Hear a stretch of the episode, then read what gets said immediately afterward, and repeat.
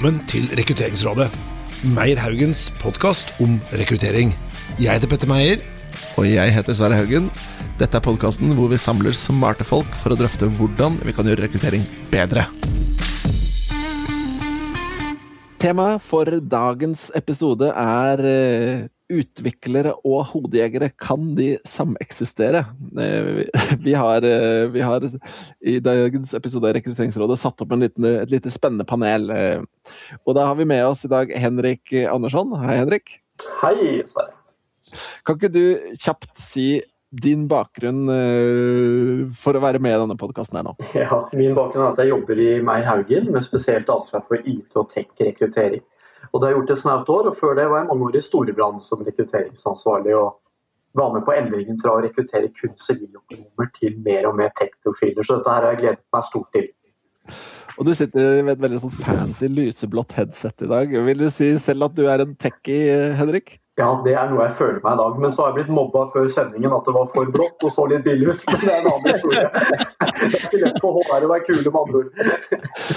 Så Hen eh, Henrik er da med som en representant for hodejegerrasen, eh, kan vi si det sånn. Og så har vi med oss to, to utviklere også. Da, eh, vi begynner med deg, Oddbjørn Kvalsund. Takk for det. Du er nerd, er du ikke det? Nerd. På, ja. på mitt hjerte og på min hals. Ja. Hva, hva, gjør du for noe? Hva jobber du med? Fortell litt mer. Du er utvikler og teknisk arkitekt hos et lite firma som heter Diffia, um, som er litt til i Oslo. Vi lager løsninger, mobilløsninger for leger og sykepleiere på sykehus. Og forsøker liksom modernisere litt eh, kommunikasjons- og arbeidsverktøyer som det er på sykehus. da. Dagens situasjon er litt sånn papir- og ringpermbasert, så vi prøver å lage noe litt mer moderne til deg. Så, så, det er liksom på tidlig digitaliseringstrappa putte strøm på papiret? Ja, ja. ja. Vi må begynne et sted, sier Ja, sted. ja. Så bra. Eh, og så har vi med oss eh, en altså, Og du er jo da utvikler. En representant for utviklerrasen i dag, eh, Oddbjørn. Absolutt. Eh, og da har vi også med oss Alexander Hakestad. Velkommen, Alexander. Tusen takk for det. Tusen takk for det. Kan ikke vi for lytterne få høre to ord om deg også, da? Alexander? Jeg kan, jeg kan oppsummere hvem jeg er i en liten historie, om, så, om det er tillatt. ja, det er tillatt. Uh, jeg, uh, det er sånn typisk jeg, utvikler å ikke svare på det du egentlig spør om. Nei, det Uh, jeg kledde meg en gang ut som Darth Maul på premieren av Star Wars The Phantom Menace. Uh, bare for å innse at det ikke var premieren, men det var dagen etter premieren. Eh, og jeg var da den eneste i kostyme. Så nerd opp av dage har holdt på med teknologi så lenge jeg kan huske. Eh, sitter som styreleder i The Gathering og har vært i ledelsen i Santander, blant annet. men òg jobba på gulvet og, og liker å bygge ting. Ja. Og buggeting, da snakker vi digitalt? Det å snakke med digitalt, ja, ja. Uh, hovedsakelig. Uh, og så til de som lytter da, som ikke kjenner meg, så er jeg altså Sverre Haugen. Og jeg vil jo i denne konteksten beskrive meg selv som en slags mutant. En uh, hybridløsning av de to rasene. Da. Jeg er jo mest hodejeger i dag, det jeg, men jeg klamrer meg fast til at jeg har vært utvikler da. Uh, en slags uh, Captain America av uh... ja. ligger på mange vis ganske riktig, fordi jeg har ligget frossa ned veldig lenge. Og så har jeg nettopp installert utviklingsmiljø på PC-en og fått opp en webside hvor det står 'Hello World'. Så jeg føler meg Da snakker vi. Ja. Så øh, vi Altså, jeg og Henrik vi sitter jo og jobber med rekruttering og prøver å få tak i sånne utviklere øh, til ulike roller her og der, og det er jo søren ikke lett. Uh, for dere gidder jo ikke svare. Uh, så spørsmålet er hva er det egentlig hva, hva, hva er greia? Så for dere som utviklere, da, hvordan oppfatter dere oss som jobber med rekruttering? Dere, må, dere, får sikkert henvendelser av sånne som oss, hvis vi sier det, da. Vil du gå først, Oddbjørn, eller skal jeg uh, ta ordet? kjør først, du. Det høres ut som du har noe på lager. Det er, det er et uh, salig mas fra ende til annen. Jeg har sjelden uh, opplevd en rase mennesker som kan uh, pushe så mye chatmeldinger og, og, og styr. og spesielt via primærkanalen deres, LinkedIn, som virker å være ja. deres bosted. er ikke alle, bor ikke alle på LinkedIn? Uh, nei, jeg kan, jeg kan uh, ettertrykkelig si at det er ikke alle som bor på LinkedIn. Jeg, jeg tror uh, LinkedIn har utvikla seg til å blitt en liten sånn Kanskje det bare er rekrutterere som er på LinkedIn? Ja. og at en driver, en driver og rekrutterer av hverandre. Men det som um, men, jeg, men jeg, tror liksom For å ta det litt seriøst, da, så er det um, Det kommer jo veldig mye henvendelser. det kommer og og ofte Altså, det at det kommer mye henvendelser, det er jo, altså, det er jo en slags flatterende sak, det, da. Men eh, det kan òg bli til et nivå der du eh, Altså, av og til har du på en måte lyst på ro i hverdagen. Mm. At du, du, du, sitter på jobb, liksom, og du har bare lyst til å eh, fokusere på de tingene du fokuserer på. og Da kan det fort bli et sånn støyelement du bare ikke gidder å deale med. Ja. Uh, og det har jo gått til et punkt der min egen LinkedIn-profil reflekterer nesten ingenting av hva jeg kan rundt teknologi eh, overhodet. For det plutselig, plutselig, dukker det opp eh, et spørsmål Faktisk, dette her er nesten et sitat. Eh, Hei, kan du Java? altså eh, jeg, jeg, vet ikke hvor seriøst jeg skal ta dette, liksom. Eh, ja. ja, det, er interessant, det er interessant å høre. Vi må høre Oddbjørn sin take på dette her òg. Ja, jeg syns Alexander på mange måter oppsummerte det godt. da, men, eh, men opplevelsen av Jeg må jo si at dere er litt gutsy, da, Sverre og Henrik. for det, det, er jo jeg må si at eh, det, Omdømmet til rekrutterere i de senere år har jo blitt betraktelig rakka ned på av dere engelske kollegaer, da, som kanskje får veldig opplevd det som veldig offensive. Eh, mm. Og ikke alltid spesielt vel forberedte, mm. der de har trampa inn i det norske markedet. Så det har jo vært en sånn endeløs strøm av sånn 'Hello, candidate, would you like to hear about?' Uh, og så føler jeg at uh, du navnet ditt har stått i.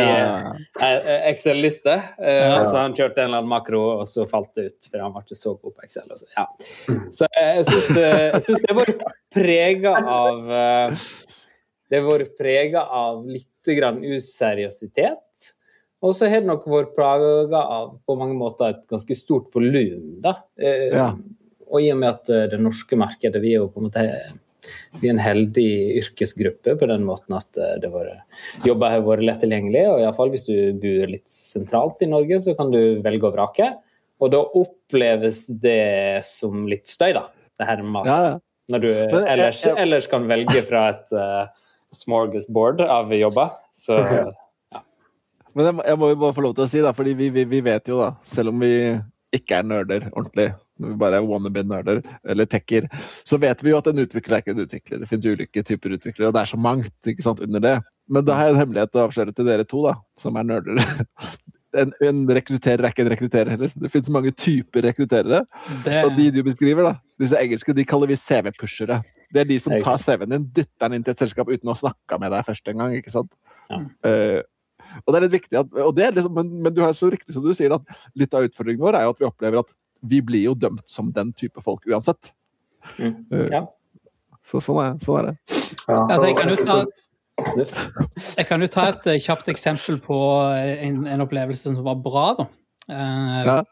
Der det var noen som kontakta, da ikke via LinkedIn denne gangen, men uh, det var faktisk via e-post. Min, min, private e-post. Så var det noen som hadde fått tak i kontakt med den. Uh, og så sendte de, en, sendte de, meg en, forespørsel om uh, ja, bare gå på kafé en dag og ta en prat. Og da viste det seg at de var, liksom, de var fullt innforstått med hva en, en sånn type rolle innebar. De hadde full koll på hva bedriften som de rekrutterte for, hadde kontroll på eller skulle gjøre.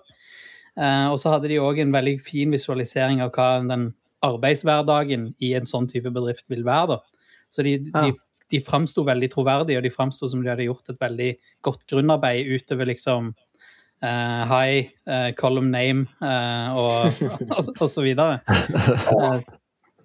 Så det, er liksom, du merker at dette var ikke, dette var ikke massemarked de gikk for. Det var, de hadde utvalgt utvalgte folk de snakket med. da. Så da, da var du med på lunsj, da, eller? Da var jeg med på lunsj. Ja. Så det var, Var det tilfeldigvis en ung, vakker kvinne med profilbilde på mailen, eller? Nei, det, det, det var jeg, jeg skal ikke si Han vet hvem det er hvis han hører på dette, her, så jeg skal ikke si, det, jeg skal ikke si at det var det absolutt motsatte, men uh, ikke langt unna. Ja, grunnen til at jeg spør, det er at eh, ja, mitt inntrykk da, og mitt spørsmål, det spørsmålet spør stiller seg, er liksom, hva er invasive? For jeg opplever jo at du, du må trå veldig forsiktig sant, når du skal kontakte folk som ikke har blitt bedt om å bli kontakta. Og det er på grensen, i hvert fall for mange utviklere, som er veldig bevisst hva de har rettigheter av på datalagring og etc. Og så plutselig så har jeg fått tak i e-posten til Oddbjørn, og så mailer jeg den, da. Da hender det jeg får noe svar tilbake sånn Hei, hvorfor har du min e-post? Liksom? Dette er ikke greit. Det er noe vi kjenner igjen. Ja. Det, er morsomt, det er morsomt det Alexander eh, sier òg, Sverre, ikke sant, fra vår side. For de gangene vi lykkes best med oppdragene våre, er jo de gangene vi skjønner selskapet og rollen best. Og det syns jeg er litt interessant, ikke sant? fordi det er frontend, og det er backend og fullstack og Java, og alt går inn i hverandre. Det er fort gjort å hoppe i det og slenge ut noe og svare at det blir dårlig. Ja. Men kjernen ligger i å skjønne caset. Jeg vet ikke om dere støtter det, gutter?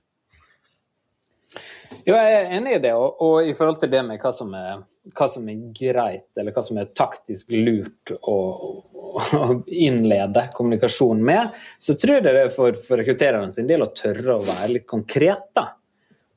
At en ikke ja, hvis, hvis den eneste grunnen til at noen kontakter meg, er at det står Java en eller annen plass på den sida, så syns jeg det er litt tynt. da. Men, men altså, hvis du er konkret og sier at jeg vet hvem du er, for jeg har fått det anbefalt fra noen, gjerne, eller jeg vet hvem du er fra tidligere, og jeg vet at du er god på det og det. Og, og så har vi en konkret kunde. Ideelt sett bør du da oppgi hvem det er, sånn at det er mulig for meg å gjøre litt research. Og så være konkret om oppgaver også. Hva er det du vil ha med til å gjøre? Skal jeg, skal jeg kode, eller er- skal jeg gå inn på et nytt prosjekt? Er det, er det en ny satsing innenfor det firmaet? Hvorfor trenger jeg folk? Er det fordi folk slutter? Hva er liksom bakgrunnen her? For å gi meg en eller annen følelse. For det, det å liste opp en masse teknologi, det, er det er sånn halvirrelevant, egentlig. Eh, og bare liste opp lønnen også er litt sånn, ja. Det er ikke, hvis en går for ei utviklerstilling, så vet en omtrent hva, hva slags intervall det er snakk om på den lønnsstigen der. Men å tørre å være konkret. Hva er det du skal ha meg til å gjøre? Er det en ny satsing? Er det noe spennende? Hva, hva er det, da? Jeg tror òg hvis, en- hvis en hadde fulgt de rådene der til, til punkt og prikke, så kunne en òg produsert veldig mye altså, I hvert fall de utviklerne jeg kjenner, de er storkonsumenter av innhold generelt på nettet òg, om eh, deres eh, fagstoff. Eh, så det en kunne ha gjort, er jo å snu litt om på, hvis en tør å være såpass konkret, snu litt om på det og produsere veldig mye godt innhold som de sjøl vil oppsøke på et eller annet tidspunkt eh, omstillingen. For da hadde du hatt en helt annen inngang, og de hadde vært den som hadde approacha dette, kontra motsatt. Men er ikke litt sånn, sånn som jeg ser det, da, så er liksom problemet blir litt som på en datingarena. En datingscene, et utested. Og der vet vi jo alle at utviklere har sitt S, liksom. Ja, men vet du hva? I den metaforen, i metaforen jeg har nå, så har dere det. Ja, konge. Dere Ja. er damene. Dere er damene. Og så, og så kommer vi, og så skal vi liksom spandere en drink på dere, og så tror dere bare at vi er ute etter én ting. Som jo ofte er sant, da. Og derfor er det grunn til at dere er skeptiske. Og det, den metaforen er ganske lik da, til rekruttering. fordi det jeg opplever, er at jeg kan komme Jeg kan vite alt om selskapet og muligheten, og jeg kan ha researcha deg og vet at ok, men dette er en kjempespennende match, potensielt sett, hvis timingen er riktig. Men problemet er at jeg kommer jo ikke i dialog med deg engang. Fordi du tenker at med en gang jeg bare sier hei, så tenker du OK, jeg vet hva han er ute etter. Og derfor gidder jeg ikke snakke med deg engang. Dere, der dere er damene, da. Kjenner dere, kjenner dere dere igjen i det, eller? Ja Jeg forstår hva du sikter til, men, eh, men jeg tror hvis en tør å være konkret, altså, så vil en ha igjen for det. da. Og har gjort litt Ja. research. Jeg tror ikke en var så redd for å avsløre alle sine assets til å begynne med. For Faren er at du ikke får et svar i det hele tatt. da. Så Kanskje vi, burde, ja, vi må kalle det her til tips om dating og rekruttering. Kan vi kalle det. Du må være litt konkret og gå rett fra.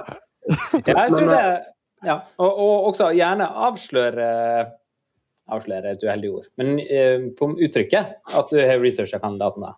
Jeg vet hvem du er. Jeg har fått det anbefalt. Jeg vet hvem du er, hva du kan. Uh, det tror jeg er en eh, det er en smyger som funker både på damene og på utviklerne. Uh, jeg, jeg, må jo, jeg må jo si til dere som, dere som, eh, som er på andre siden da, av bordet eh, Det er et veldig interessant case rundt dette, hvor det var en dame som trengte noen til å jobbe med rekruttering av utviklere. Og så fikk hun ikke tak i noen, så, så sa hun ok, hvis ikke jeg finner disse rekruttererne, som skal rekruttere teknologer selv, la, så la de komme til meg, da. Og så opprettet hun en fake LinkedIn-profil, som var en teknolog, som het da ikke sant? John Johnson eller whatnot. Ja. Uh, som da var superflink i ditt og ditt og tech-greier. Og så sånn, Teorien var da at da kan jo de hodejegerne som kontakter meg, de kan jeg rekruttere. Så hun brukte det som en honey trap. da. Og, men det som var veldig interessant, var hun da, da fikk hun veldig innsikt i noe interessant om hvordan mange hodejegere opererer. For eksempel da så ringte folk eller kontaktet henne og så sa hun, du, jeg har hørt om deg, du har gjort så bra arbeid, jeg har fått et tips og sånn og sånn. Men personen finnes jo ikke, ikke sant? så det er bare ljug. alt sammen. ja, er og det er jo så jeg tenker jo, og Det er veldig vanlig. Da. Jeg tror det er veldig mange, kanskje spesielt av disse CV-pusherne, hvis vi kaller det det, disse engelske, eller whatnot, som, som drar inn med den vinklingen. Okay. Så jeg, hvis, jeg, var- hvis jeg var utvikler, så ville jeg kanskje prøvd å finne litt ut av ok, men hva ligger bak her. da? Hvor kommer det egentlig fra? Ja, ja. ja ærlighet varer lengst. Altså, jeg støtter den. Du kan ikke fake det. Nei, nei, det er viktig. Og så er det mange av lytterne våre nå på dette stadiet som eh, lurer på når vi snakket om LinkedIn, og det funker ikke. Og det er jo selve oppslagsverket vårt. da. Spørsmålet til dere, Hva er det som funker? Hvordan skal vi få kontakt med dere? Hvor finner vi dere? Hvor mange ganger er du innom eh, Stack Overflow i løpet av en dag? eh? Det er, eh, det er lite, men nå har jeg fått tips fra deg. Da ser jeg må komme opp og Reddit og forskjellig. Så Med min nye Hello World-side så tipper jeg jeg må snart inn og titte litt for å se om jeg kan få det. Må fjerne brukeren på LinkedIn. Så. Nei, altså, men eh, det, det hjelper jo å forstå litt av en arbeidshverdag, da. Og jeg, jeg vil tro alle, eh, alle utviklere som sier at de ikke er innom Stack Overflow relativt ofte, eh, de, eh, de eh, prøver å forfine et bilde. For det, det er som oftest der du går når, når ting går galt. Eh, og så eh, går du inn der og sjekker om, du, om noen har funnet opp løsningen for deg allerede. og Ja. Eh, vi likte å kødde med det før, med der du har liksom, du har én fane oppe for, eh, eh, for Google, og så har du én fane oppe for Stack Overflow, og så er Visual Studio på sida. det, det er liksom arbeidsflyten din i hverdagen, da. Så, men, jeg, men jeg tror sånn summa summarum så gjelder det jo å finne ut hva kanaler er det en frekventerer ofte. liksom, hva eh, hvor er det en konsumerer innholdet sitt? Um, det er veldig sjelden jeg tenker nå skal jeg innom LinkedIn for å oppdatere meg på faget mitt, på en måte. Mm. Eh, men sånn som jeg likte, liker veldig godt den nye sida som har kommet, som heter Kode24. Den syns jeg er en strålende satsing. Masse godt fagstoff. Um, eh, Stack Overflow, som nevnt, eh, bruker veldig mye Reddit. Leser meg opp på ulike fag og ja, tematikker som diskuteres der. Så det, ja, og det å gjøre en liten sånn research, hvor er det denne gjengen frekventerer når de konsumerer nettinnhold? Og er det enten mulighet til å kjøpe seg plass på disse plattformene, eller er det mulighet til å, eh, til å faktisk samarbeide eller skrive noe nytt, interessant innhold på disse plattformene? Er, er du også på disse kanalene, eller Oddbjørn? Ja, jeg er veldig enig i mye av det som Alexander sier. Eh, Jeg tror det der er, er viktig Det er kanskje Hva skal jeg si Det er nok um, For sånn direkte hodejegeraktivitet, så er jo f.eks. det å ha artikler på kode 24 er jo mer en sånn tilretteleggende aktivitet for å øke skal si, attraktiviteten på firmaet. da, Så det er en forberedende aktivitet på mange måter. Men jeg tror den kan være ganske effektiv. eh. Jeg ser jo at det er mange som gjør det her eh, eller Bouvet, som har brukt å kjøre en sånn adventskalender med Mm. kode og, og litt sånne ting. Da. Det, det bidrar jo til å gi et, eh, et godt eh, inntrykk av fagmiljøet, at de er nerds og entusiaster som er flinke. Da. Ja. Og den typen forberedende aktiviteter tror jeg kan være lurt. Og også Kode 24, som Alexander nevnte, har jo kjørt, eh, kjørt det her med sånn eh, utviklerprofiler og sånt. sånt. Og det syns jeg er en god idé. Det er morsomt å lese det, som alle kan relatere Ja. til. og ja, på en måte se for seg, projisere seg sjøl inn i den rolla som den personen. Men for å spørre deg, da, Oddbjørn, nå er jo Alexander allerede outa for resten av verden at uh, han ikke har oppdatert LinkedIn-profilen sin. Er din oppdatert? Eh, den er nok oppdatert, ja, men brief. Ja, og da er et interessant sånn kryssjekkspørsmål. Ja. Får du, Oddbjørn, noen kontakter fra hodejegere sånn eller inniblant? Ja. Hvor ofte? Røftlig? Eh, ja, typ daglig. På, Ja. Iallfall sånn på arbeidsdager. Ja. Jeg får fort fem i uka, tror jeg. Ja, hva, hva med deg, Aleksander? Ja, altså etter jeg fjerna alt av IT, så kommer det veldig mye mindre. Eh, så, så hvis, vi, hvis vi tenker som et tips da, til utviklere For det er jo sånn, ikke sant, også som utvikler så er det jo hender jo om man blir drittlei og har lyst på noe nytt. Så er jo egentlig er faktisk et veldig godt tips det er å ta den turen innom LinkedIn og oppdatere LinkedIn-profilen. da, For da vil du sannsynligvis dukke opp noe, dukke opp noe greier. da. Eh, For det er jo Absolutt. der vi, mange av oss, da, jakter. Ja, så er det jo bruk, bruk din logiske eh, sans som du bruker daglig, og tenk liksom hva nøkkelord er det disse folka søker etter. Eh, For hvis du Altså Hvis du er en seniorutvikler, så liksom Hvis du putter da seniorutvikler i profilen din, så får du jo rubbel og bit, men hvis du får noe veldig spesifikt inn i profilen din som er et nøkkelord som er tilegnet stillingen, så får du kanskje mer seriøse henvendelser. Ja. Uh, ja, så Og da er det jo sånn, fordi Hvis vi tar sånn LinkedIn for dummies, da, for å bare ta litt på det vi kan noe om, så er det jo, det er jo en algoritme. Det, det, algoritme kan dere, det er greit. Men vi kan hvordan de funker i LinkedIn. Uh, det er titler på jobbene du har hatt, er relevante, og summary. eh, på den der, en Key summary er, er relevant. Altså, det er der du ofte vil putte inn de orda du ønsker å bli funnet på. Da. Så la oss nå si at du har lyst til å jobbe med, med Ruby on rails, da, eller hva det nå er du har lyst til å knatte på så bør du skrive det inn i disse stedene hvis du vil bli funnet. da. Det øker sjansen. Og så hjelper det. Et par ting som hjelper. Det ene er å ha en komplett profil, for da, kommer du, da rangerer du høyere i algoritmene. Eh, og så er det også en fordel å ha mange kontakter, faktisk. Og det er jo liksom kanskje kontraintuitivt hvis du ikke egentlig har lyst til å snakke med folk, men det var en spøk. For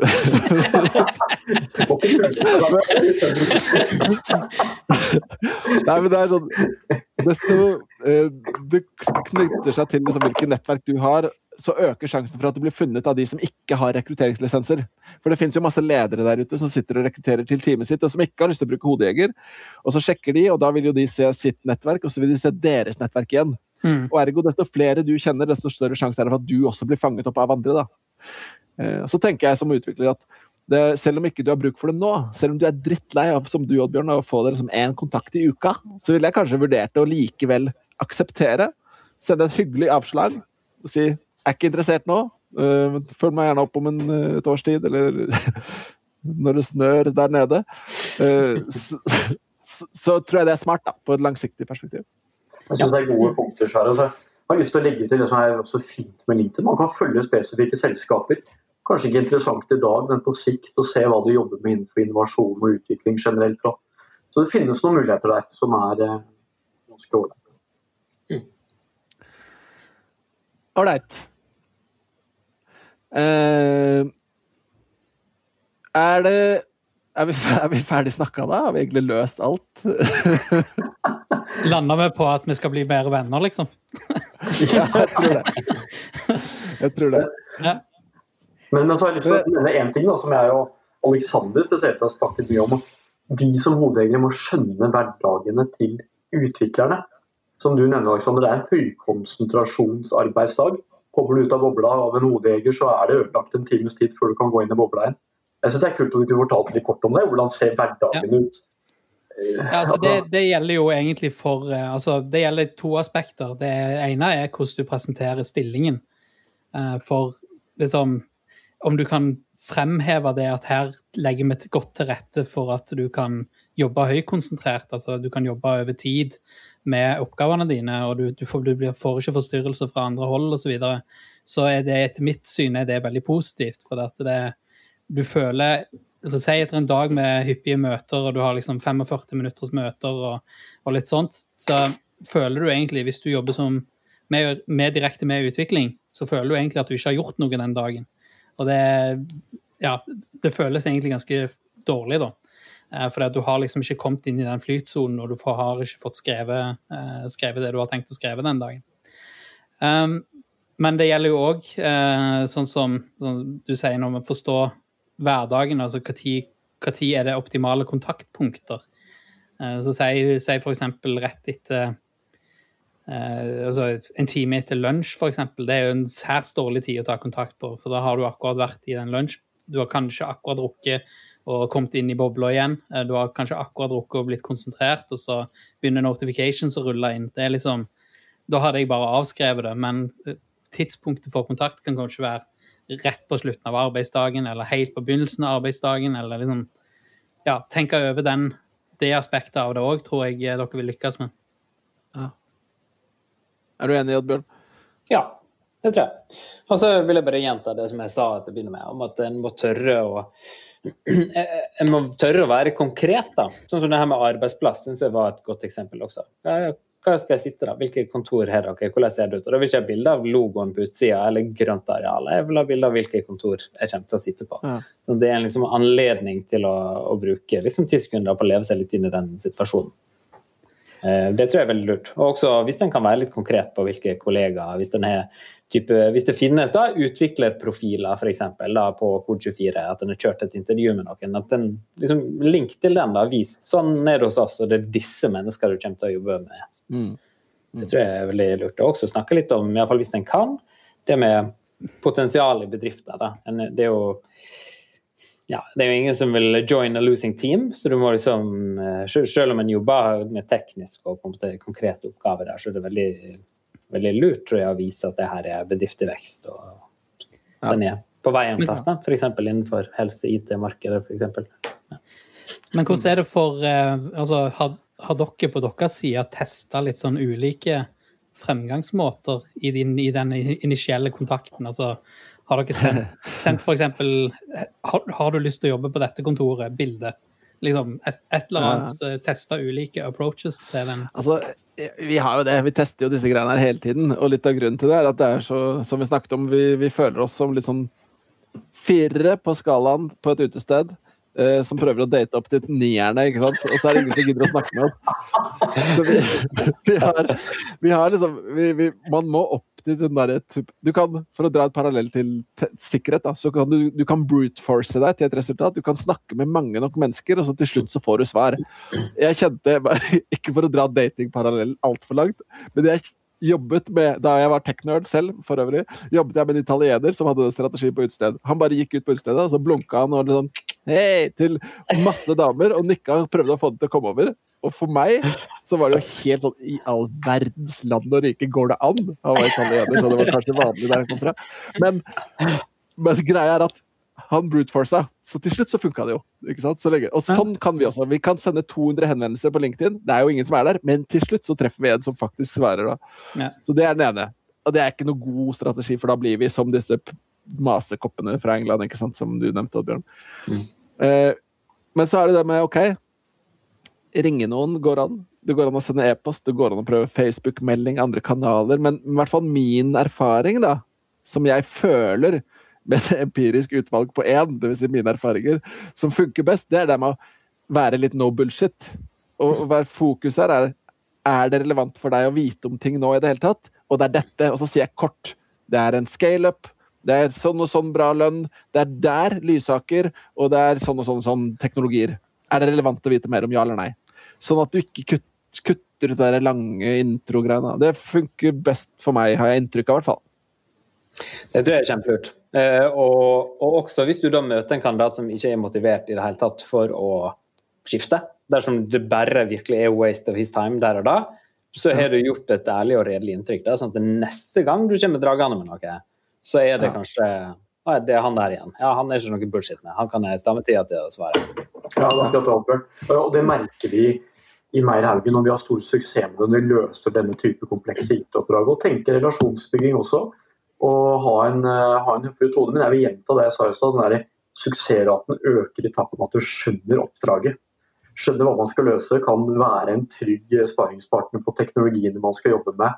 Skjønner selskapet, og Vi har jo gleden av å jobbe med Tiffy Obbern, som er et veldig spennende og fint selskap på alle mulige måter. Da har man en trygghet inn i diskusjonen med potensielle kandidater, og da løfter man seg. Og så er nok ikke LinkedIn fremtiden for tech-rekruttering, finner vi ut av nå, Sverre, så vi må, vi må løfte blikket. Men vi har jo våre, vi har våre knep som vi ikke deler her, da.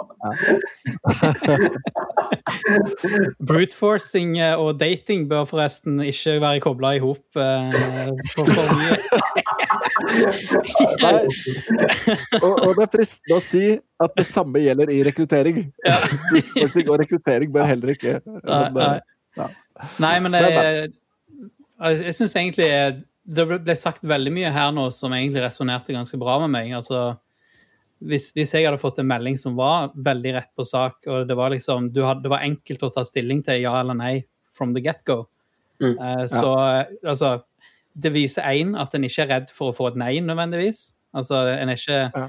En er ikke sånn at en trenger å begynne på et nei og så bli overtalt til en ja, liksom. For det, da, da blir det slitsomt. Men Nei. du er ikke redd for å få en nei. Det er en enkel avklaring, liksom. Hvis, hvis det blir et nei, så går vi videre til neste. Eh, og så er det hvis du da Og så vil det øke sannsynligheten for å få et ja, fordi at eh, Ja, du har noen som respekterer din tid, da. Altså, du, Veldig bra. Skal vi nå skal vi tenke vi skal gå inn for landing. Vi har klokka inn nå på en eh, halvtime, som er en fin podkastlengde. Men eh, jeg har lyst til at vi skal runde av med et, en siste, kall det replikk, tips eller innspill fra, fra hver av deltakerne, meg selv inkludert. Um, hvis vi nå skal oppsummere, eller legge til noe nytt uh, Oddbjørn og Aleksander, dere kan få lov til å komme med ett tips hver til hodejegere. Og uh, Henrik, du og jeg vi skal gi ett tips hver til utviklere. Ok, Vær så god, Aleksander, kjør. Jeg ville sagt vi, Jobber dere på vegne av en bedrift som har ønske om å eh, framheve spesialistkompetanse, så er det kanskje nummer én salgsargument. Eh, det er, det er altfor ofte en ser at det, liksom, det er kun lederveien du kan gå i en organisasjon. Men når en skal, ut, når en skal innhente eh, tunge fag, fagspesialister eh, med, med god erfaring, så vet du at det er liksom, de har allerede valgt den stien. Så framhev så mye som det lar seg gjøre. Dette at denne bedriften her er gutse på, eh, på spesialistkompetanse. Bra. Takk. Eh, Oddbjørn. Mitt tips til hodejegere må være å tørre å være direkte og ærlig og gå rett på sak. Jeg tror det er større sjanse for at du får et svar i det hele tatt dersom eh, det går an for kandidaten å ta stilling til er det her en jobb jeg er interessert i eller ikke, i den første e-posten. Dersom vi begynner med en slags sånn innledende er du interessert i å høre mer, da tror jeg det er mange som ikke gidder å svare. Men hvis, hvis det er nok informasjon å ta stilling til i den første, så er det større sjanse for at du får et svar. Ja. Så bra. Da er jeg spent. Henrik, ditt utvikler utviklere? Jeg tenker, kjære utvikler, svar oss. Vi vil dere vel. Ja. Og jeg ville vel også tenkt litt sånn, om ikke akkurat med samme ord, så ville jeg tenkt litt sånn Som utvikler, da, så kan man fort sitte der og være drittlei av de greiene her, men husk på at eh, en eller annen gang så kanskje det er interessant å ha disse kontaktene framover i tid. Så jeg ville tenkt sånn Smarteste du gjør, det er å koble opp med så mange rekrutterere du kan. Eh, og så bare svare dem høflig. Og heller informere om at liksom øh, Ta kontakt senere, som jeg er ikke interessert nå. Eh, jeg tror det lønner seg in the long run, da. eh, Når du en eller annen gang kanskje er interessert i noe nytt. Eller trenger noen andre folk via når du skal rekruttere selv, eller gudene vet. Relasjoner, gode relasjoner, er alltid bra. Uansett. All right. Da Da skal vi, skal vi runde av der, da? Høres bra ut. Det har vært en kjempeinspirerende prat. Jeg gleder meg til å, til å ta fatt på arbeidet. Nå, Sverre. Ja, ja, og jeg må jo si dette er jo, dette er jo et utrolig spennende tema. Kanskje dette må være den beste podkasten vi har laget så langt, tror jeg, Henrik. Ja, det, det tror jeg. Det tror jeg. det, Det som, hadde vært, det som hadde vært kult, er jo eh, at Si meg og Oddbjørn, nå. Så nå, nå tar vi ordet til oss. Eh, og så fortsetter vi å liksom svare og, og bygge nettverk innenfor deres bransje. Eh, Ja. Og så kan vi komme tilbake igjen om et halvt års tid eller et eller annet sånt og se liksom hvordan har vi opplevd det. Eh, Ja, og, og så, så skal vi være direkte og cut the crap og uh, synliggjøre spesialistveien der hvor det er mulig. Ja. Det er veldig, veldig bra. Det er en deal. Tusen takk.